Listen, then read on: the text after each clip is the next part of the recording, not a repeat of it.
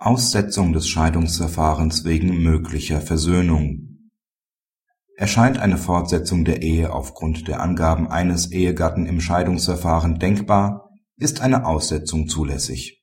Hierüber entscheidet das Gericht nach seiner freien Überzeugung ohne Berücksichtigung der Ansicht des anderen Ehegatten. Die Parteien heirateten 1997. Seit Anfang 2009 leben sie getrennt die Ehefrau beantragte im Monat Februar die Scheidung wegen unzumutbarer Härte nach § 1565 Absatz 2 BGB alte Fassung. Grund hierfür sind gewalttätige Übergriffe des Ehemanns.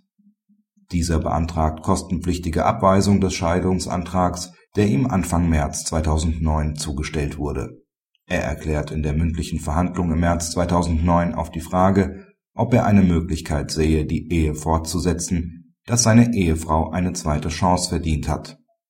Das Amtsgericht setzt daraufhin das Verfahren nach § 614 Absatz 2 Satz 1 ZPO für sechs Monate aus und empfiehlt den Parteien, eine Beratungsstelle aufzusuchen. Der Ehemann legt gegen den Beschluss sofortige Beschwerde ein. Er verweist darauf, dass wegen der ablehnenden Haltung der Ehefrau keine begründete Aussicht auf Fortsetzung der Ehe besteht die Ehefrau beantragt dagegen das Ruhen des Verfahrens für sechs Monate und die Zurückweisung der sofortigen Beschwerde. Das Amtsgericht hilft der sofortigen Beschwerde nicht ab, es ist der Ansicht, dass die Aussetzung zusätzlich auf § 614 Absatz 3 ZPO zu stützen ist. Diese Norm ist unabhängig von etwaigen Erfolgsaussichten des Verfahrens anwendbar das OLG weist die sofortige Beschwerde zurück, da die Aussetzung nach § 614 Absatz 2 Satz 1 ZPO nicht zu beanstanden ist. Liegen konkrete Anhaltspunkte vor, dass ein Ehegatte sich an die Ehe gebunden fühlt und die persönlichen Beziehungen noch nicht so zerstört sind, dass von vornherein eine Versöhnung ausscheidet, ist eine Aussetzung nach § 614 Absatz 2 Satz 1 ZPO möglich die Voraussetzungen hat das Gericht nach seiner freien Überzeugung festzustellen. Die Erklärung des Ehemanns in der mündlichen Verhandlung zeigt, dass die Ehe aus seiner Sicht noch nicht endgültig gescheitert ist.